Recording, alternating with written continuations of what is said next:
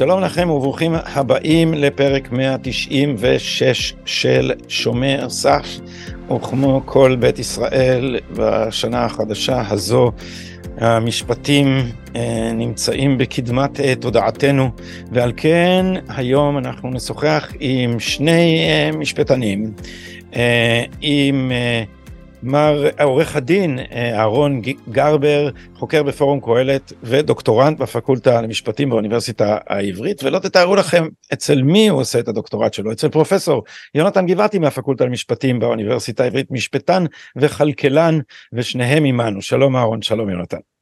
שלום, שלום לכולם, שנה טובה. שנה טובה ומבורכת, והסיבה שהזדמנו אה, לשיחה הזאת היא אה, מחקר מפרי עטכם שעומד להתפרסם בכתב עת יוקרתי, כתב העת היוקרתי בעברית לענייני משפטים, אה, המשפט, ושמו של המחקר הוא כיצד השפיעה המהפכה החוקתית על האמון בבית המשפט. אז ספרו לנו מה זה, על מה המחקר הזה. טוב, אבל המחקר הזה בעצם אה, יש לו כמה מטרות, אבל אחת מהמטרות שלו הייתה להחזיר, להביא לקדמת הבמה מחלוקת שהתקיימה אה, בתחילת, בשנות ה-80 ובשנות ה-90 בין אהרן ברק לבין משה לנדאו, שניהם נשיאי בית המשפט העליון, משה לנדאו היה נשיא אה, לפני כן. שאת שמו, ברק... שמו מבטאים אה, הרבה פעמים לנדוי בגלל שזה כתוב מוזר, כן, אבל נכון, שמו לנדאו, נכון, זה אותו אחד, לנדוי ולנדאו זה אותו שופט. נכון. אז uh, הייתה מחלוקת סביב uh, תפקיד בית המשפט בחברה וספציפית הייתה מחלוקת סביב איך תהיה, מה תהיה ההשפעה של המהפכה החוקתית על האמון של הציבור בבית המשפט. Uh, אני חושב שהמחלוקת הזו היא חשובה היום במיוחד, אבל מה שמדהים שהמחלוקת הזו התקיימה עוד לפני הרבה מהדברים שאנחנו רואים היום. ובעצם היה פה מחלוקת תיאורטית שמעניין אותה לבדוק, לבחון אותה באופן אמפירי, המחלוקת הייתה סביב השאלה איך הציבור יגיב או איך האמון של הציבור ישתנה בעקבות המהפכה החוקתית. האמת, האמת שהמחלוקת התחילה עוד לפני זה, הייתה בשאלה האם יש קשר בין אקטיביזם שיפוטי לבין אמון הציבור. זה התחיל עוד לפני המהפכה החוקתית, זה הגיע לשיא במהפכה החוקתית ואנחנו כתבנו על המהפכה החוקתית. אז אולי בגלל שאני רואה שלאחרונה אפילו זה שנוי במחלוקת וחלק מחסידיו של אהרן ברק מכחישים את הדברים המפורשים שהוא אמר שבכלל הייתה מהפכה חוקתית. אז בואו קודם כל נבהיר אה, צופי הפודקאסט הזה אינם תמימים בכל מה שנוגע למשפטים כמו שאתם אה, ודאי מתארים לעצמכם אבל בואו נשים את המושגים על השולחן. אז אהרן ברק כינה את ה... אה, כינה את המפעל שלו מהפכה חוקתית אולי נגדיר אותה קודם כל. אז, אה, אז נגיד ככה, אהרן ברק אה, בעצם אה, התמנה לבית המשפט העליון בסוף שנות ה... פחות או יותר בשנות ה-80, אחרי שהוא היה יועץ משפטי לממשלה, והמפעל שהוא קידם מאז שהוא נכנס לבית המשפט היה מפעל שמעביר כוח ושיקול דעת רב יותר ויותר לשופטים. בהתחלה הוא עשה את זה בשנים הראשונות בתחומי המשפט המינהלי, בכל מה שקשור לשאלה אם בית משפט ועד כמה הוא יכול להתערב ועל סמך מה הוא יכול להתערב בהחלטות ממשלה, החלטות שרים, זה כל מה שראינו עכשיו, בכל מה שקשור לעילת הסבירות. זה קרה בעזרת הסבירות. כן, אז, התש... אז סוגריים, אני פותח עוד סוגריים, עילת הסבירות, דפי זהב 1980, תגידו לנו מילה על מה קרה לעילת הסבירות, כי עדיין, כי עוד דבר שאומרים לנו חסידי אהרון ברק, הם אומרים, מה אתם רוצים? תמיד הייתה עילת סבירות, בכל שיטת משפט יש עילת סבירות, אבל מתנגדיו אומרים, חברים, אתם לא מבינים מה קרה בפסק דין דפי זהב ב-1980. אז באמת, אם, אם, נס, אם ננסה לשים את זה על איזשהו ציר, אז המהפכות השיפוטיות התחילו בשנות ה-80, עם המהפכה המינהלית, שבה ברק עושה כמה דברים. אחד, הוא, מבט, הוא מבטל את עילות הסף, שפיטות ועמידה, כל דבר פה אפשר לפתוח אין ספור אה, כן. uh, זאת אומרת, הוא פותח אני... את דלתות בית המשפט לעותרים ציבוריים, כל אחד יכול להתלונן על כל דבר. כל אחד יכול לעתור כמעט על כל נושא, זה דבר אחד. שתיים, הוא מייצר לבית המשפט את עילת הסבירות החדשה של דפי זהב, שבאמצעותה בית המשפט יכול לבקר כל החלטה שלטונית של הרשות המבצעת על בסיס ערכים, ולא רק על בסיס אה, עילות okay. אוקיי. קונקרטיות, בעיה של סמכות, בעיה של הליך, או אפילו בעיה של שיקול דעת, כי הייתה פה אפליה או היו שיקולים זרים. ממערכת שבה צריך להצביע על עילה קונקרטית, זה הופך לסבירות, זה משהו כללי. שזה אומר על זה דוד פטר, הוא אומר עילת הסבירות זה אומר ששופט יכול לפסול משהו בלי עילה. בעצם בלי עילה זה אין עילה ובכל זאת אני לא מקבל את זה כי זה לא מת, מתיישב עם שיקול דעתי. אז, אז כן בעצם מייצרים עילה שהיא לא קונקרטית שהשופט תמיד יכול להגיד זה לא נראה לי. זה לא נראה כן. לי זה לא משפט. אז זה עילת זה לא נראה לי. ב- ב- לצד עילות הסף שדיברנו עליהן ולצד הסבירות הוא מפתח שיטת פרשנות אה, שבעצם מאפשרת לבית המשפט אה, הוא מותח, בוא נגיד, מותח מאוד את גבולות הפרשנות של אה, מה, מה יכול להיכנס לתוך מילים, והרכיב האחרון של המהפכה המינהלית בשנות ה-80, זה בעצם העצמת כוחו של היועץ המשפטי לממשלה. אז כל זה קורה, אבל בתוך העולם הזה, שבית המשפט מאוד מאוד התרחב, והשופט לנדאו, שעוד מעט נדבר עליו, בעצם מעביר הרבה מאוד ביקורת, אבל זה עדיין, יש גבול ברור למהפכה המינהלית. הגבול הברור של המהפכה המינהלית הוא שבית משפט לא יכול להתערב אם יש חקיקה. הוא יכול באמצעות פרשנות למתוח את הגבולות שלה, אבל תיאורטית, כל עוד הכנסת, יש עליונות של הפרלמנט. ואז מגיעה המהפכה החוקתית. המהפכה החוקתית בשנות התשעים, בית, השופט אהרן ברק, שמתעקש לקרוא לה מהפכה, בניגוד לכל מי שהיום מנסה לעשות, אה, לחזור אחורה ולומר, כן היה, לא היה, זה בוודאי בניגוד לאיך שאהרן ברק התעקש. הוא אמר, למה אני מתעקש לקרוא לזה מהפכה? כי שיטת הממשל שלנו הייתה כזאת, שבה הפרלמנט, יש עליונות של הפרלמנט כמו בבריטניה, והשתנתה. הפכנו מדמוקרטיה פרלמנטרית לדמוקרטיה חוקתית. אך כעת חוקי היסוד, החוקה, הם נמצאים ב- ב- בראש הפירמידה הנורמטיבית, ולכן בסיטואציה כזאת שיטת הממשל השתנתה, ולכן אני קורא לזה מהפכה, והוא התעקש לקרוא לזה מהפכה חוקתית. המהפכה החוקתית זה בעצם המהלך שבו אהרן ברק אומר לא רק שאני יכול לפסול החלטות מנהליות, אני יכול לפסול גם כן חוקים. אני יכול לבקר חוקים. עכשיו צריך להגיד את האמת, יש מודל כזה בעולם. כמובן הבעיה, אפשר להתווכח אם הוא מודל טוב, אם המודל הבריטי יותר טוב, אם המודל החוקתי יותר טוב, זה דיון לגיטימי שאפשר לנהל. הבעיה שבמדינת ישראל, בית המשפט גם אה, גנב את החוקה. לא רק שהוא הודיע לנו שהוא מפרש החוקה, הוא גם בעצם כתב את החוקה, הודיע לנו שיש חוקה, בשלב הראשון באמצעות חוקי היסוד כבוד האדם וחירותו וחופש העיסוק, ולאחר מכן בעצם בית המשפט מרחיב את זה לכל חוקי היסוד, ואנחנו רואים את תוצאות המהלך הזה היום, כשדנים בחוק יסוד הממשלה או חוק יסוד השפיטה, האם יש להם מעמד חוקתי. אז היום אנחנו... אולי אפשר להביא... כן, יונתן. אפשר, אפשר להביא ציטוט טוב של ברק בנושא הזה, בריאיון שהוא נתן לארי שביט, הוא ניסה להשוות את מה שמהפכה שהוא עשה למרבורי נגד מדיסון, זה פסק דין מאוד מפורסם בארצות הברית, והוא אמר שמה, המעשה שאנחנו עשינו בפסק הדין מזרחי אנלוגי במובן מסוים למרבורי נגד מדיסון, במובן מסוים הוא אפילו יותר קשה. אם אתה קורא לזה אקטיביזם, אנחנו היינו יותר אקטיביסטים. זאת משום שבארצות הברית היה כבר מסמך שנקרא חוקה, אצלנו עד היום אין מסמך הנקרא חוקה, כן? זה פשוט ציטוט של ברק בעצמו. אז אחר כך הוא אמר בראיונות שהוא לא יודע מה זה אקטיביזם, ולאחרונה אמר uh, השופט uh, עמית המיועד לפי הסיניורטי להיות uh, נשיא בית המשפט העליון הבא, הוא אמר שבית המשפט הישראלי הוא הכי מרוסן בעולם. כן, אז כמובן שאפשר uh, את, את, את הוויכוחים וה...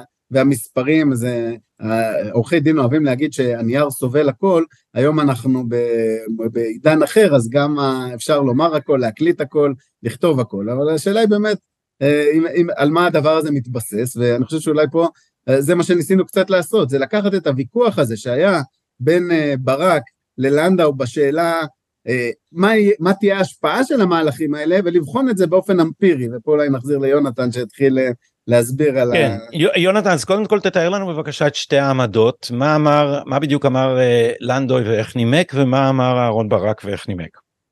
כן אז במובן מסוים המחלוקת היא די פשוטה לגבי מה תהיה ההשפעה של המהפכה החוקתית או בכלל ביקורת שיפוטית על חוקי הכנסת על אמון הציבור בבית המשפט ופה היה לנו תחזיות הפוכות. אה, ברק טען שביקורת שיפוטית אה, על חוקי הכנסת וביטול של חוקי הכנסת באמצעות בית המשפט לא תשפיע על אמון הציבור בבית המשפט, זה נאום שהוא נתן בשנת 93, הוא אמר מה פגיעה יש במעמד בית המשפט שעה שהוא מכריע בסכסוך פוליטי על פי אמות מידה משפטיות, אין יסוד לטענה כי דווקא משיכת ידו של בית המשפט מן הסכסוך הפוליטי תביא לידי ערעור האמון של הציבור בשפיטה. הוא טען, לא כל כך ברור למה, אבל הוא טען שדווקא אם בית המשפט לא יתערב, זה מה שיפגע באמון הציבור בבית המשפט, בכל מקרה הוא לא חשב שהמהפכה החוקתית אמורה להשפיע על אמון הציבור. זה די, מגיע... זה, להשפיע לרעה, לא להשפיע לרעה. זה, זה די מדהים מפני שאם אתה מסתכל על זה מנקודת מבטו, אני מנסה להבין את זה סובייקטיבית, לאיך, אה, אה, לפענח איך אה, אהרון ברק חושב.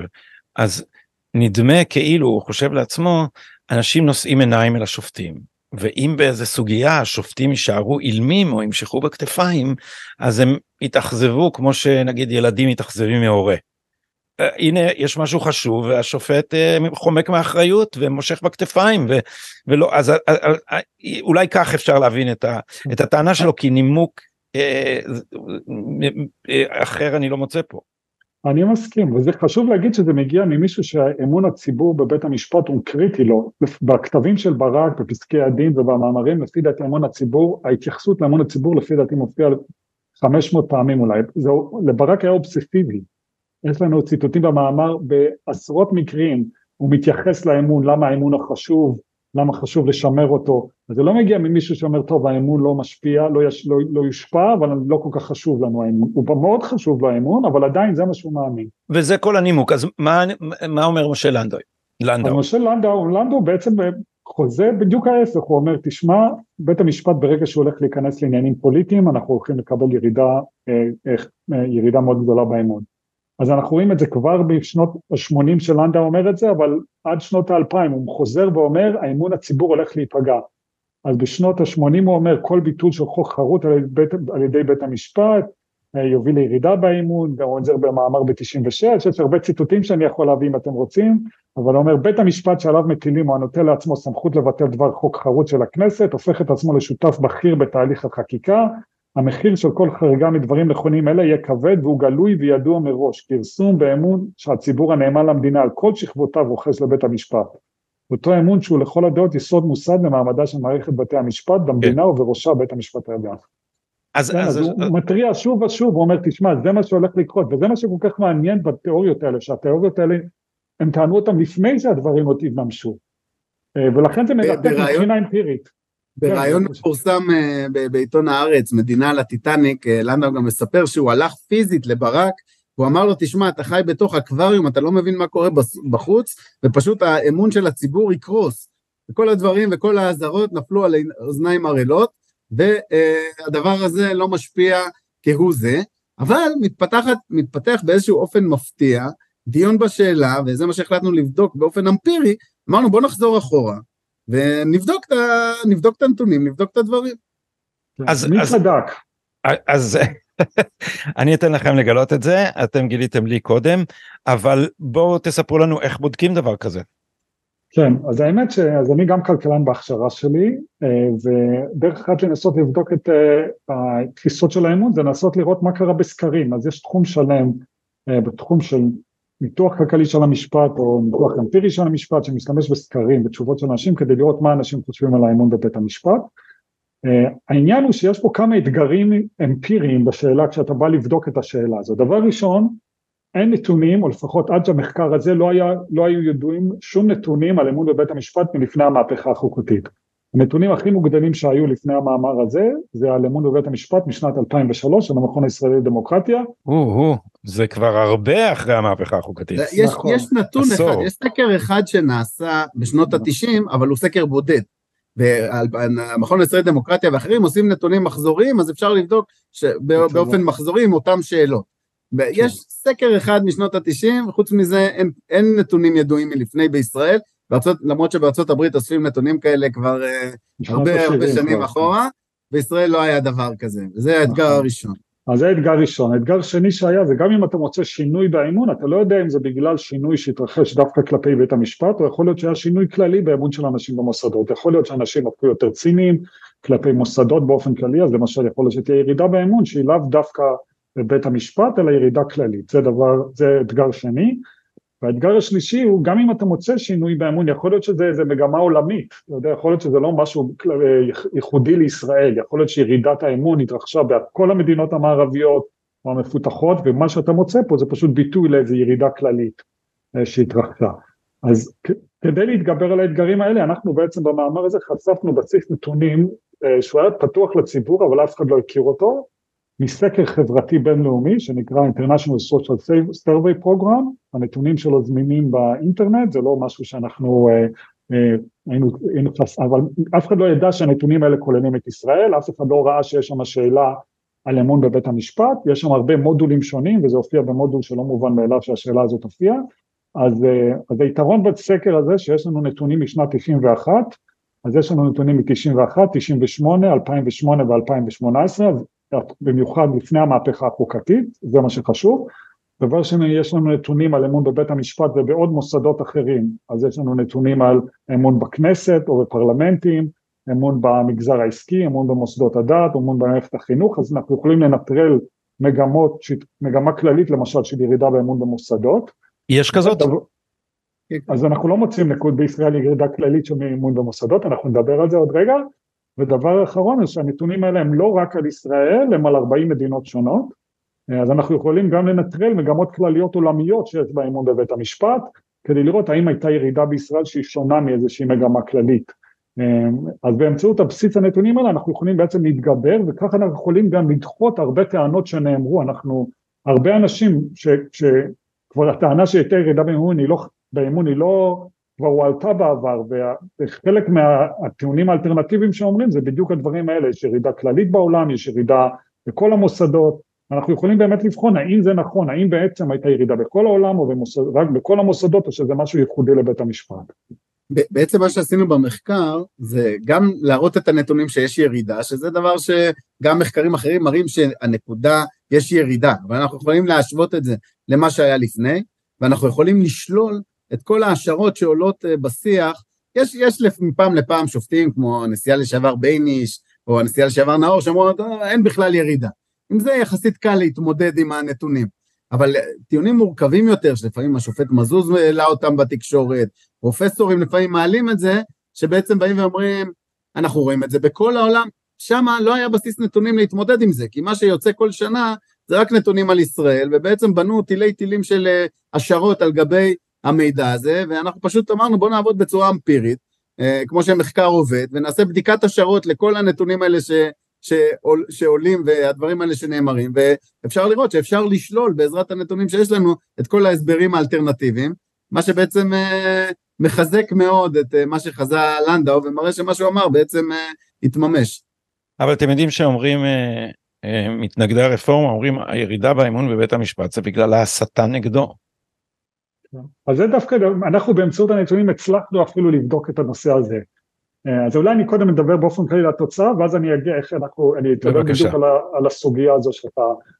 אז באמת, באמת מה שאנחנו מוצאים, הממצא המרכזי שלנו שהייתה ירידה דרמטית באמון בבית המשפט, אה, זה ירידה, הירידה הזו התרחשה רק בבית המשפט, לא התרחשה במוסדות אחרים בישראל, זאת אומרת הירידה ביחס למוסדות אחרים, האמון בבית המשפט בישראל ירד ב-30 אחוז, זו ירידה עצומה בהשוואה בינלאומית, זו ירידה של שתי סטיות תקן, מי שמכיר אה, קצת סטטיסטיקה, אין כמעט מחקרים שמוצאים ירידה כזו דרמטית, זו פשוט ירידה עצומה, זה, האמון בישראל היה מאוד מאוד גבוה אה, והוא ירד אה, בצורה דרמטית. תן לנו את זה באיזה מספרים שההדיוט הסטטיסטי יכול להקל, ממה למה זה ירד, מה, מה היה שיעור האנשים שהביעו אמון גבוה בבית המשפט וכמה הוא הצטמק?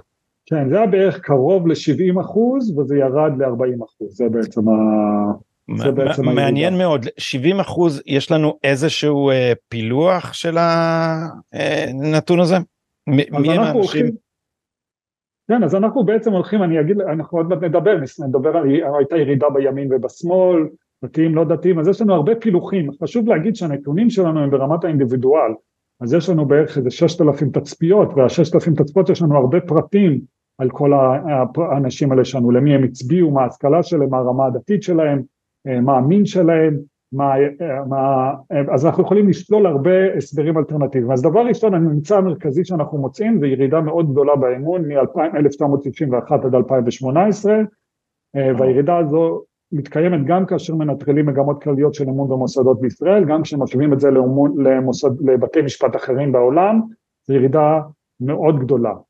אחרי שאנחנו בעצם מראים את הנתונים האלה שמאפשרים לנו לשלול כל מיני טענות אלטרנטיביות, אנחנו באמת מתמקדים בכל מיני טענות אלטרנטיביות שעלו, אז באמת אחד מהדברים שאנחנו בוחנים, יש לנו הרבה דברים שאנחנו בוחנים, אבל זה הטענה שאתה אמרת בגלל המתקפה על בית המשפט, ובעצם זה קצת טענה שאומרת, אה, אה, בעצם יש פה איזו תנועה פופוליסטית שתוקפת את בית המשפט ובעצם בית המשפט לא שינה את תפקידו, בסדר? זה אפשרות אחת, זאת אומרת בית המשפט בעצם לא השתנה והאמון ירד למרות שאני מציג את זה קצת בצורה קיצונית, למרות ששום דבר בעצם לא קרה, זה אפשרות אחת, אפשרות אחרת שבאמת משהו קרה והייתה תגובה, נכון? זה בעצם מה שלנדאו חזה, במובן מסוים מי שמסתכל על לנדאו, לנדאו אמר תראו האמון הולך לרדת בגלל, בגלל שאנשים הולכים להגיב לשינוי בתפקיד של בית המשפט, כן אז אני אביא ציטוט, הוא אומר כאשר בית המשפט מייצג דעה מסוימת פרוגרסיבית ככל שתהיה הוא מקומם חלק ניכר של הציבור שמתחיל לתקוף אותו בצורה גסה אבל לצערי אני חייב לומר שבית המשפט תורם להיווצרות המצב הזה בכך שהוא נכנס לתחום שאינו תחומו. זה היה הציטוט של לנדאו. אז הוא אומר באמת תהיה מתקפה אבל המתקפה היא תגובת נגד לשינוי בתפקיד של בית המשפט. אה, מצד שני באמת יש כאלה אחרים שאומרים טוב אנחנו מסיתים נגד בית המשפט ובעצם שום דבר אמיתי לא השתנה בבית המשפט. אז איך אנחנו ניסינו לבחון את הנושא הזה אז כדי לבחון את זה אנחנו השתמשנו בספרות די ענפה עכשיו שהתפתחה סביב התנועה של פופוליזם עכשיו התנועה של פופוליזם היא תנועה שהיא לא מוגדרת מאוד טוב, לא ברור, אה, אז אין לנו הגדרה מאוד מדויקת, אבל בעצם תמיד אנחנו, תמיד במחקר הדוגמאות הקלאסיות של תנועות פופוליסטיות זה טראמפ, זה ברקסיט, זה מביאים בתקופה האחרונה כן. תנועות אה, פופוליסטיות, ואחד מהדברים המעניינים, שגם בטראמפ וגם בברקזיט יש קורלציה מאוד גבוהה בין השכלה אקדמית לבין התנגדות לתנועות פופוליסטיות. כן, בעצם אחד מהפרדיקטורים הכי טובים לשאלה אם תמכת בטראמפ או לא, זה השאלה אם היה לך השכלה אקדמית או לא. מי שהיה לו השכלה אקדמית, ההסתברות שלו לתמוך בטראמפ הרבה יותר נמוכה. וגם בברקסיט, היה קורלציה מאוד גבוהה בין השכלה אקדמית לבין עמדות של אנשים לגבי ברקסיט. סוגריים יונתן זה מרתק אני לא מצפה שהמחקר שלכם ידאג לענות גם על זה אם כן זה נהדר אבל האם הקורלציה היא בין השכלה להתנגדות לפופוליזם או בין השכלה פרוגרסיבית להתנגדות לפופוליזם כיוון שהאוניברסיטאות לא מספקות השכלה באופן כללי האוניברסיטאות משנות ה-70 ואילך עוסקות באינדוקטר אחרי משבר שנות ה-60 באינדוקטרינציה שמאלית שיטתית אה, מסיבית וחסרת בושה באופן אה, באופן אה, הולך וגובר אתה יודע ידידי דן שפטן אומר לסטודנטים שלו כשאתם באים באוניברסיטה זה ההסבר שאומר שהידע הוא הבעיה לא הידע הפרוגרסיבי. דן שפטן אומר כשאתם באים לאוניברסיטה שימו אה, אצבע בתוך אוזן אחת כי כשנכנס לכם ידע שלא ייפול לכם השכל הישר מהצד השני זאת גרסה אחת אבל הגרסה השנייה שפשוט ההשכלה נעשתה כל כך מגמתית שהיא בעצם אינדוקטרינציה אנטי לאומית ותנועות לאומיות אה, אכן זוכות לפחות פופולריות בקרב משכילים. באמת המחקר באמת המחקר לא עונה לשאלה הזאת, ובינינו גם לגבי מה זה בכלל הגדרה של פופוליזם ואיך משתמשים בזה, זו כמובן שאלה מאוד גדולה. אנחנו ברמת המחקר אמרנו, אנחנו לא ניכנס, לשיטתם, כשהם מגדירים פופוליזם, זה, זה הרכיב הזה של ההשכלה, הוא רכיב שאפשר, הוא קריטריון שאפשר להשתמש בו, בואו נעשה, בואו בוא נעבוד עם הקריטריון הזה. עם החיתוך הזה, כן. יפה. בדיוק, ואז ניסינו לבחון, אם באמת התנועה היא מאוד תנועה פופוליסטית, בעצם לא מוצדקת, אפשר להגיד, היינו מצפים שתהיה ירידת אמון שונה אצל בעלי השכלה אקדמית וחסרי השכלה אקדמית בישראל. ואם לא, אם בעצם זו תגובת נגד, כמו שלנדאו חזה, אז אנחנו נצפה שבעצם הירידה תהיה דומה. ובעצם זה הממצא שלנו, הממצא שלנו שאין ירידה דומה לבעלי השכלה, שונה לבעלי השכלה אקדמית וחסרי השכלה אקדמית. ירידת האמון בישראל בבית המשפט, שהייתה ירידה מאוד גדולה, התקיימה גם אצל בעלי השכלה אקדמית, גם אצל חסרי השכלה אקדמית. אז שוב פעם, זה לא מוכיח לגמרי שזה לא נובע ממתקפה, אבל זה לא מתאים, כלומר אם הטענה באמת הייתה פופוליסטית, היינו מצפים לראות שהשינוי באמון היה בעצם אצל אנשים שלכאורה יותר, קבוצה שהיא יותר פתוחה להשפעות פופוליסטיות, אבל אנחנו לא מוצאים את הדבר הזה. אז זה מתאים מאוד, אה, זה, זה מאפשר לנו לפחות לבחון את הטענה הזו של האם בעצם זה נובע ממניעים פופוליסטיים. עוד דבר שלפעמים מתקשר לטענת ההסתה, זה מתחבר, טענה שזה נובע מהרשתות. שהרשתות החברתיות וחוסר הפיקוח שיש על הדעות של בני אדם, גורם לזה שמתפשטות uh, במרחב דעות בעייתיות, וגם את הדבר הזה אפשר, האמת שפה זה ממש בקלות אפשר להראות, הזיכרון שלנו נורא קצר, אבל ירידת האמון הגדולה התרחשה לפני שהיו בישראל רשתות חברתיות. והדבר הזה, אנשים... אה, כן. אז, אז שוב פעם, יכול להיות שיש השפעות, זה מורכב יותר, יש השפעות, אבל לתלות את ירידת האמון ברשתות החברתיות זה פשוט לא מתכתב עם הנתונים. אה, רוב ירידת האמון התרחשה לפני כניסת הרשתות החברתיות, וגם היום, דרך אגב, יש לנו נתונים למי יש חשבון פייסבוק או לא, ואנחנו לא מוצאים שמי שיש לו חשבון פייסבוק יש לו אמון נמוך יותר מאשר באחרים שאין להם. אז זה גם לא מתאים לטענה הזאת. עכשיו אתה אומר שיש לכם 6,000 אה, אה, מקרים פרטניים, תספר לנו קצת על המתודולוגיה, איך, איך, איך אה, איתרתם את המקרים הפרטיים ומה למדתם כן. עליהם. אז, אז צריך להבין היתרון המרכזי בנתונים האלה זה בעצם נתונים שאנחנו לא אספנו.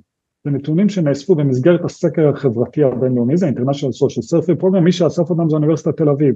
הם מפעילים פשוט מנהלי סקרים במדינות שונות, והם מעבירים להם את השאלונים, המטרה של הסקר הזה זה לעשות שאלון סטנדרטי שאפשר יהיה לשאול אותו במדינות שונות כדי לקבל תשובות שהן יהיו ברות השוואה. רגע, אוניברסיטת תל אביב מרשה שישתמשו בנתונים כדי להגיע למסקנות לא תקינות פוליטית? אני לא בטוח שזה לא הפרת חוזה חמורה, ת, תבדקו את זה לפני שאתם מפרסמים.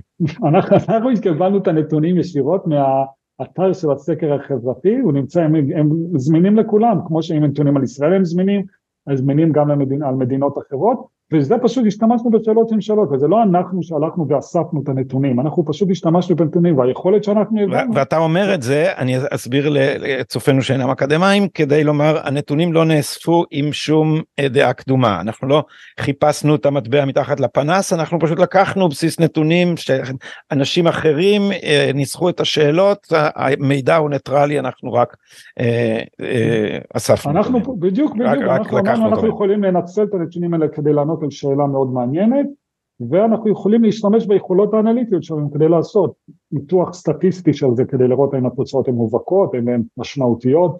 ובאמת ככל שאנחנו מסתכלים עוד ועוד אנחנו פשוט מוצאים עוד ועוד תמיכה לטענות של לנדאו, עוד דבר למשל שאנחנו מצאנו, אחת מהטענות המאוד מעניינות של לנדאו שהוא אומר תראו אה, בית המשפט התחיל להתערב בעניינים פוליטיים זה יגרום לצד אחד של המפה הפוליטית לאהוב את בית המשפט, לצד אחד של המפה הפוליטית לא לאהוב את בית המשפט, אבל הוא אומר האמון של בציבור ירד בשני הצדדים, זה מה שמדהים, זה תחזית קצת לא ברורה, לנדאו אומר חלק יאהבו את הפסקי דין, חלק לא יאהבו את הפסקי דין, אבל בסך הכל אנחנו נקבל ירידת האמון של שני הצדדים. מעניין מאוד, שמש... הוא לא נימק? הוא לא הסביר? הוא, הוא לא נימק, הוא לא נימק, הוא פשוט ומה... הסביר.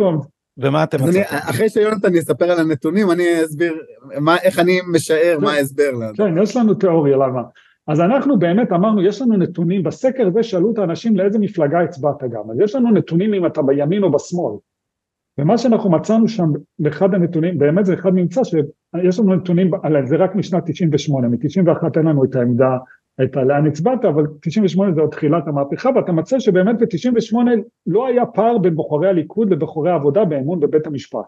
זה מדהים, 98 בעצם זה לא היה סוגיה שהציבור נחלק לגביה, אה, אז שואלים את האנשים האם יש לך אמון רב בבית המשפט, לא היה הבדל בין בוחרי ליכוד לבוחרי העבודה, בשנת 2008 ו-2018 אנחנו מתחילים לראות פער משמעותי בין בוחרי... ב-2008. כן, ועכשיו, אז זה, זה, מצ... זה מתאים מאוד לסיפור של לנדאו שאנחנו רואים שצד אחד של המפה הפוליטית מוחה להם, צד אחד אה, אה, לא. אבל מצד שני, כש... אבל, אבל רגע, ב-1998 האם הירידה כבר משמעותית? כן, מתחילה כבר ירידה ב-98, אבל אנחנו לא רואים שינוי בשני הצדדים. כן. אוקיי, כן. אבל אחר כך, לעומת זאת, שנה, אבל לעומת זאת, בסך הכל אנחנו רואים שלמרות שיש פער בין הימין לבין השמאל, בשני הצדדים האימון ירד, האימון ירד יותר בימין, אבל גם בשמאל האימון ירד בצורה משמעותית, אז...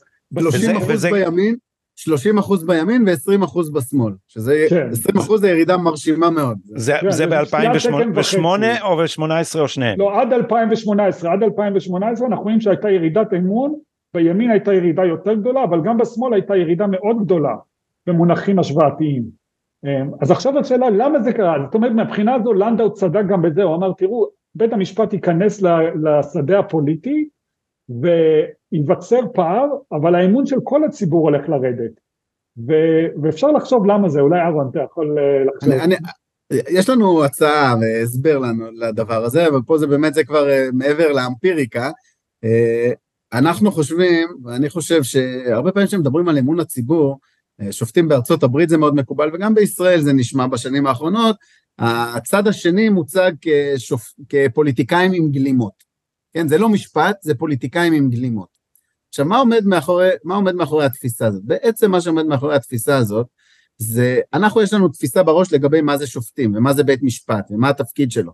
יש איזה שהם כללים, וכשמישהו סוטה מהכללים, יש בית משפט, והוא יכול להגיד, כן סטית מהכללים, לא סטית, הפרת את הכללים. לעומת זאת, כש... עוברים לתפיסה של פוליטיקאים בגלימות, אנשים מסתכלים על בית המשפט ובעצם מבינים שיש פער בין מה שהם דמיינו על בית משפט לבין מה שבית המשפט עושה. כי זה לא שיש פה איזושהי מערכת של כללים שבית המשפט מפעיל אותה, ולכן יורד האמון של כולם, יכול להיות שאני אוהב את התוצאה, יכול להיות שבפוליטיקה אני שמח. אבל אני לא מאמין, אבל, אבל אני לא מאמין לא בהגינות של ההליך. אני כבר, כן. אני שיניתי את מה שאני חושב על בית משפט ועל משפט, זה, ולכן זה, זה מסביר למה שתהיה ירידה, גם אם אני אוהב את התוצאה, משני הצדדים. Uh, זה מדהים, כי אני הייתי פעם uh, צד שולי באיזה, באיזה בירור משפטי סביב סדרה שהשתתפתי בכתיבתה, ו... ומכיוון שטבעו את המפיקים ונדמה לי גם את הערוץ אז גורמים גדולים עם הרבה כסף אז הם לקחו אה, עורכי דין יקרים ממיתר במקרה הזה משרד מאוד אה, יוקרתי ואלה אנשים שאנשים ספציפיים שעבדנו איתם אני חושב תומכים ב... מתנגדים מאוד למ... לרפורמה ונמצאים באופן ברור בצד שמאל והם אמרו לנו לגמרי בבירור אמרו תשמעו בית משפט ישראלי זה קזינו אנחנו לא יודעים מה החוק עד שלא נדע מי השופט כי החוק זה אצל כל שופט זה משהו אחר. אז פשוט אין אין פה מערכת כללים ומצטרף את זה אה, אה, מצטרפת את זה העובדה שידועה לי משיחות עם אנשי עסקים שכשהם כותבים חוזים יש להם פעמים רבות סעיף שאומר שבמקרה של מחלוקת המחלוקת תתברר בבית משפט במדינה אחרת כי לא סומכים על בית המשפט הישראלי שלא יעוות את החוזה. כן, אז, אז הדברים האלה בעצם מה שאמרת מוביל אה, לעוד תחזית של, של לנדאו שהוא גם אמר באמת שאתה לא יכול לדעת מה המשפט עד שאתה לא יודע מי השופט, ולכן הוא נתן עוד תחזית, שגם אליה התייחסנו קצת במאמר, הוא אמר, הדבר הזה לא רק שתהיה קריסה באמון וירידה באמון, אלא זה יוביל בהכרח לדרישות לשינוי שיטת בחירת השופטים, שזה גם כן דבר שאנחנו אה, רואים אותו אה, אה מת, כי מתממש. אם מה שקובע זה השופט ולא החוק, אז השאלה הכי חשובה זה מי השופט. נכון, וגם את זה הוא כבר אז, בשנות ה-80 וה-90, הוא אמר, אה, אה, כן, חז"ל אומרים שחכם עדיף מנביא, הוא, הוא עמד שם והוא הסתכל על הדברים וניתח אותם, ואמר זה יוביל בהכרח לדבר הזה. עכשיו צריך להגיד את האמת, המאמר הזה שעומד להתפרסם, אה, אתם אקדמאים מדופלמים, לא כמוני, אני רק דוקטורנט, אתם יודעים שהקצב של הדברים האלה הוא מאוד מאוד איטי. לכן המאמר הזה נכתב מזמן, הרבה לפני הרפורמה, ו, והיינו צריכים, החלק השלישי של המאמר בעצם עוסק אחרי הנתונים ואחרי הניתוח האמפירי ואחרי שלילת ההשערות, ההסברים החלופיים, אמרנו אוקיי, בוא נסתכל על עוד תחזיות של לנדאו, של לנדאו ונראה לאן הדבר הזה מוביל, לאן זה יגיע. אמרנו, אז אמר, דיברנו על שינוי שיטת בחירת השופטים, אמרנו, זה אמנם בשוליים, אמנם uh, היו שינויים, מאז שלנדאו אמר את מה שהוא אמר, היו שינויים, כן, היו שינויים, השינוי אחד, שעוד אה, בתקופתו של אה, השר פרידמן, שהיה שר המשפטים, הוא הפסיק עם הנוהל של אה, מינויים זמניים לעליון, שזה שימש את השופטים כמכשיר עוקף ועדה, ו- ותקופת ביניים לוודא מי מתאים למשפחה. הדבר הזה נפסק בתקופתו של פרידמן, ואחר כך היה בתקופתו, בתקו, היה גם כן את מה שנקרא חוק סער, שבעצם יצר את הווטו ההדדי למינויים לעליון, שזה גם כן היה שינוי, ואמרנו, ועם כל זה, זה עדיין לא מה ש... לנדאו דיבר עליו, אנחנו נראה, אנחנו צפויים לראות החמרה, ובאמת מאז שהמאמר הזה נכתב, אה, זה כבר, אה, אנחנו רואים עד כמה שינוי שיטת בחירת השופטים אה, זה דרישה שמככבת, שיש שיאמרו שבעצם עליה כל המחלוקת הגדולה, בסוף אפשר להסכים על דברים אחרים, אבל הכל, הכל מתנקז לשאלה הזאת, והוא אמר את הדבר הזה מההתחלה, הוא אמר בשיטה שבה בית המשפט הוא לא עושה את מה שאנחנו רגילים לחשוב עליו כהליך משפטי בבית משפט, מה שמשנה זה מי השופטים. עכשיו צריך לומר, לנדאו היה נגד פוליטיזציה של שיטת מינוי השופטים. הוא חשב שזה נורא ואיום, הוא לא רצה שיטת מינוי שופטים פוליטית, הוא רק אמר, אם בית המשפט, בית המשפט לא יכול גם וגם, הוא לא יכול גם להיות ערכי וגם לחשוב שבחירת השופטים תמשיך להתנהל כמו שהתנהלה עד היום, כן? במובן הזה הוא לא רצה בחירת שופטים אה, פוליטית, אבל הוא גם לא רצה בית משפט פוליטי. אנחנו היום במציאות קצת שונה. כל הדברים האלה זה מה שמדהים הוא שבאמת הכל פה נחזה על ידי לנדאו. כי הרבה פעמים, אתה יודע, אנחנו הצגתי את המאמר הזה בהרבה מקומות, ותמיד אנחנו, בעצם מה שעשינו במאמר הזה זה עברנו על כל ההסברים האלטרנטיביים שאנשים, אה, שניסים להציע למה הייתה ירידת האמון, ויש הרבה, כמו שאמרנו, פופוליזם, רשתות חברתיות, מה לא, שידורי ערוץ 2 אפילו יש כאלה שאומרים שהוא השפיע על אמון הציבור, וגם את זה אנחנו בוחנים. אבל uh, אנחנו בעצם, ותמיד אומרים לך, טוב, אולי זה זה, אולי זה האמון ירד לא בגלל זה, לא בגלל... ותמיד אני אומר, טוב, צריך לחשוב, uh, זה קצת כמו, uh, קצת כמו להסתכל על בניין שקרס ולשאול את עצמך למה הוא קרס. אה, אז אפשר להגיד ש... אז מה שאנחנו בעצם עושים פה בניתוח שלנו, אנחנו מראים, תראו, כל הבניינים ליד לא קרסו, רק הבניין הזה קרס. צריך להגיד, זה בניין שבוא נגיד היה בניין קטן שהוסיפו עליו הרבה קומות. ואתה מסתכל מסביב ואתה רואה שאף בניין אחר לא קרס, ואתה מסתכל על בניינים אחרים במדינות אחרות ואתה רואה שגם הם לא קרסו, ואתה בודק את כל ההסברים האלטרנטיביים ואתה רואה שהם לא עומדים. ותמיד אומרים לך, תראה, אולי משהו ספציפי קרה דווקא מתחת לבניין הזה, שהוא לא קשור בכלל למה שאתה טוען, אבל מה שמעניין הוא שהיה פה מהנדס בשם משה לנדאו, שבזמן שהוסיפו את הקומות לבניין הזה, הוא צעק ואמר להם, תראו, הבניין הולך לקרוס, הבניין הולך לקרוס, והוא אמר את זה לפני שהבניין קרס. אז יש משמעות לעובדה שכל התחזית הזו נעשתה לפני שכל מה שאנחנו רואים, לפני 30 שנה עמד מישהו וחזה אחד לאחד מה שאנחנו רואים היום, הוא אמר תראו זה מה שזה הולך להבין, מה שאתם עושים היום בדיוק הולך להבין ואנחנו רואים את זה לנגד עינינו ואנשים אומרים טוב אולי זה יש פה איזה משהו אחר אבל, אבל הכל נחזה לפני, זה מה שמדהים. אה, איך, איך להתקבל המחקר שלכם לפי דעתכם? אה, אני הצגתי את זה בהרבה מקומות ואני חושב ש... אה, הצגתי את זה אצלנו בפקולטה למשפטים, הצגתי את זה גם בפקולטה למשפטים באוניברסיטת תל אביב, אני חושב שזה עורר דיון, אה, דיון ער. תראה, תשובה אחת שאנחנו, כשאני הצגתי את זה אצלנו, הגיעו גם שופטים, שופטים בדימוס וניסו להגן על, ה, על, ה, על, ה, על המוסד, אה, אבל... מי למשל, אתה יכול להגיד לנו? הגיע השופט אנגלרד והוא ניסה להסביר לי למה התוצאות לא מוצדקות, אבל אני לא חושב שהטענות שלו מאוד היו משכנעות, בעיניי לפחות. תראה, טענה אחת שאנשים אומרים... הוא טען שהמאמר, לדעתו המאמר פוגע באמון הציבור בבית המשפט. אה. אבל אני חושב ש... תראה להבין, המאמר הזה צריך להבין, הוא מאמר פוזיטיבי. מה זה פוזיטיבי? הוא מאמר תיאורי. הוא אומר, תראו, היה פה שתי תחזיות, אנחנו עכשיו הולכים לבדוק אמפירית מי צדק. עכשיו, תשובה אחת שאנשים אומרים, לאור התוצאה, אז באמת חלק מנסים לחלוק על הממצא הפוזיטיבי. ויש כאלה חלק שמנסים לחלוק על הטענה הנורמטיבית, זאת אומרת הטענה שהאמון הוא חשוב, והם מנסים להגיד, אתם יודעים מה, אולי אנחנו רוצים אמון נמוך יותר, האמון היה גבוה מדי, אנחנו מעדיפים אמון נמוך יותר. עכשיו באמת אין לי איך מישהו יגיד לי, אומר אני רוצה אמון נמוך, אז זה המרשם בדיוק להורדת האמון, אם זה מה שאתה רוצה, אבל מה שמעניין הוא שהשופטים חושבים שאמון הוא נורא חשוב. אז הטענה שאמון הוא חשוב זה לא טענה שאנחנו אה, המצאנו, ברק, ב, כמו שאמרתי, במאות מקומות שוב ושוב מדגיש למה האמון החשוב, למה האמון הוא חשוב. ויצחק זמיר במאמר שהוא פרסם לפני כמה שנתיים או כמה שנים ואסתר חיות כולם כותבים זה לא שזה לקחנו איזה קריטריון שאנחנו המצאנו אנחנו אמרנו אם האמון חשוב מעניין לראות מה קרה ולאור התחזיות של לנדאו נראה לי שדי ברור שהוא צדק במובן זה ההשפעה של האמון המהפכה הייתה אה, שלילית על האמון. אז עכשיו אתם התחלתם לכתוב את המאמר הזה, סיימתם לכתוב את המאמר הזה בעצם בגדול לפני היות הרפורמה ואז הוא נשלח לשיפוט אקדמי ואנחנו יודעים איך הדבר הזה מתנהל ובטח קיבלתם שאלות קשות וחזרתם לנתונים והוכחתם והראיתם ועניתם לתשובות המבקרים. אני, אני מנחש שהיו מבקרים שלא כולם היו מאוד אוהדים למאמר. אה, ואז פרצה הרפורמה. אה, נגיד שאתם ממשיכים את המאמר אל, ה, אל האירועים הבאים, בואו נעשה את התחזית אה, של אה, לנדאו אה, המשוערת מינואר השנה והלאה. איך אתם חושבים שהאירועים האלה ישפיעו על האמון בבית המשפט העליון? אז אני, אני עוד אחזור למאמר שנייה לפני איך זה ישפיע, בסוף בוא, המאמר... בוא ננטרל את שקי החול בכניסה לקהלת ונתרכז כן, בקהילה המשפטית. בסוף, בסוף המאמר אמרנו יש עוד כמה תחזיות של לנדון. אחד, תחזית אחת הזכרתי לגבי שיטת מינוי השופטים, את זה הוא גם הזכיר.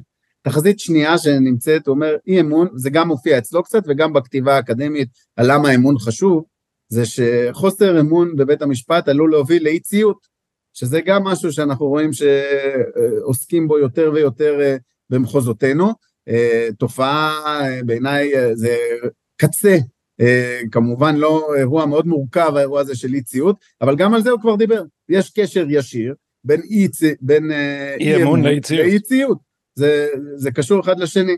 והדבר השלישי שכתבנו כבר במאמר, איך הדבר הזה אה, עלול להשפיע, כתבנו, יש עוד דבר, זה, אנחנו גם אה, צפויים לראות טכניקות התחמקות של שופטים. שופטים ש...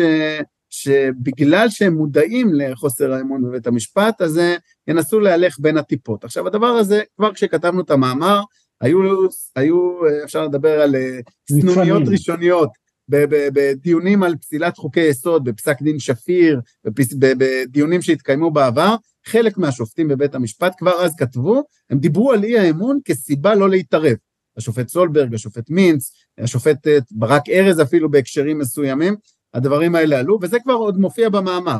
ויש עוד טכניקות התחמקות, אה, פתאום להגיד, אולי תגידו שזה לא בשל, ראינו את זה רק שבוע שעבר אה, בדיון על, על הסבירות בבית המשפט, שמגיע נציג הכנסת ואומר, עזבו, אל תחליטו, אל תיתנו פסק דין, תעשו פה איזושהי התחמקות. או עוד טכניקת התחמקות זה פתאום להרחיב את השימוש, פתאום בית משפט מתחיל לחזור לדבר על אי שפיטות מוסדית, משהו שלא, פתאום בית המשפט רוצה... אבל אבל אהרון, אתה, אתה מדבר כאילו בית המשפט הולך ונעשה מרוסן בגלל שהוא חושש מירידת אמון הציבור, בזמן שמה שאנחנו רואים זה התפרעות שאין כמוה בשום דמוקרטיה, ובית משפט שחושב להתערב ב, אה, בגלוי בכתיבת החוקה על ידי זה שהוא יפסול חוקי יסוד אז אם לנדאו היה מודאג מזה שהשתמשו בחוקי יסוד כדי לפסול חוקים או אפילו קודם בראשי אה, גשר שאהרון ברק הניח לאקטיביזם במשפט המנהלי אה, בשנות ה-80 שאותם אה, תיארתם מה הוא היה אומר על הרעיון המטורף שבית המשפט עכשיו בעצם ישים את עצמו לגמרי מעל הרשויות האחרות ויפסול גם חוקי יסוד זאת אומרת ישחרר את עצמו מהחוק. אז אם מקבלים את ההסבר שנתנו קודם, לפער שהולך ונוצר בין תפיסה של אנשים למה זה משפט לבין מה שקורה פה, אז עד היום עוד היה כלל אחד. היה כלל אחד שאומר שבסוף כל הסופים, בקצה הפירמידה, יש שם חוקי יסוד שכוננה הכנסת, ובית המשפט פועל לאורם. אם אנחנו מגיעים למצב שאין כללים בכלל, ובאופן סופי בית המשפט מכריז על עצמו, כן, מושך את עצמו בציציות ראשו, ומכריז על עצמו כמי שעומד בראש הפירמידה, ב- ב- זה, זה נראה שהדבר הזה כמובן יוביל רק לקריסה, ואני חושב שהנקודה החשובה היא שצריך לומר, כמו שאמרנו קודם, גם מי שאולי אוהב את התוצאה במובן הפוליטי, לא חושב שזה משפט. והדבר, ובמובן הזה יכול להיות שאנשים, יהיו מי שימחאו כפיים לתוצאה כי הם נמצאים באותו צד פוליטי. אבל הדבר הזה אה, לאורך זמן ולטווח ארוך, הדבר הזה לא, לא יוסיף לאמון הציבור בבית המשפט, לא לאמון הציבור שמתנגד לתוצאות האלה, ואני חושב שגם לא לאמון הציבור, אפילו מי, ש, מי שאוהב את התוצאה הפוליטית. זה פשוט גורם לאנשים לחשוב שזה פוליטיקאים בגלימות. לפני שאני נותן לכם את המילים האחרונות אני רק רוצה להגיד לאלה שהיו איתנו לכל אורך הדרך והגיעו עד עכשיו בהאזנה או בצפייה בפודקאסט הזה אם אתם רוצים להשתתף במהפכת התקשורת של מידע אתם מוזמנים לתת כתף וכמו שאנחנו אומרים תנו לנו שקל אחד ביום ואנחנו ניתן לכם כלי תקשורת עצמאי ואנחנו כבר פחות או יותר שם מתחת לסרטון הזה יש לינק לכל מי שרוצה להפוך לשותף שלנו. אז אה, מילה אחרונה אה, אהרון ומילה אחרונה אה, יונתן לסיכום הדברים. אז אני, לא, לא בכדי אמון הציבור הוא מה שמעסיק כל כך את בית המשפט, ולכן חייבת להיות פה uh, חשיבה uh, איך, איך בעצם משקמים את האמון, כי בסופו של דבר כשתמרות העשן uh, של הרפורמה יעברו, בין אם זה ייגמר כך או בין אם זה ייגמר אחרת, צריך לשקם פה את מערכת האיזונים בין הרשויות, והדבר הזה יוביל לאמון הציבור. Uh, לא, לא איזשהו ניסיון לפנות ישירות לציבור, להראות איך אנחנו עוזרים לאזרח או דברים כאלה. מה שישקם את אמון הציבור בסופו של דבר, יהיה הבנה של הציבור שיש פה מערכת משפט, שיש פה כללים, שיש פה איזונים נכונים, שיש כאן הפרדת רשויות. אני מקווה שאנחנו אה, נזכה לזה בקרוב. אה, ואני לפחות יכול להגיד שמבחינה מחקרית, אני חושב ש... המאמר הזה היה לו הישג במובן זה שאני חושב שהרבה הסברים שהעלו בעבר היום כבר לא מסביר, כבר לא משתמשים בהם כי הוא כן הצליח לשלול אה, הרבה טענות שהעלו קודם ואני לפחות בשיח שאני מקיים עם אקדמאים אני חושב שפחות משתמשים בהם ואני חושב שזה מראה איזושהי תקווה לפחות אם אתה מביא נתונים על שאלה מאוד חשובה אה, אתה מצליח לקדם את השיח במובן מסוים, אני לא חושב שזה משנה לחלוטין את ה...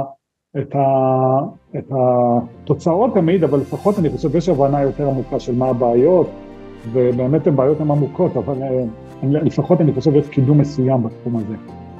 רבותיי, נעם... כולם, כולם כמובן מוזמנים לקרוא את המאמר, הוא נמצא ברשת, אפשר למצוא. אה, הוא כבר פורסם למרות שהוא כבר ברשת, כן, עדיין, למרות שהוא לא ראה אור. מצוין, שלחו לי לינק, אני אשים אותו, אני אשים אותו מתחת לסרטון הזה. עורך הדין אהרון גרבר מקהלת, פרופסור יונתן גבעתי מהאוניברסיטה העברית, אני מודה לכם מאוד על השיחה הזאת. תודה גבי. להתראות.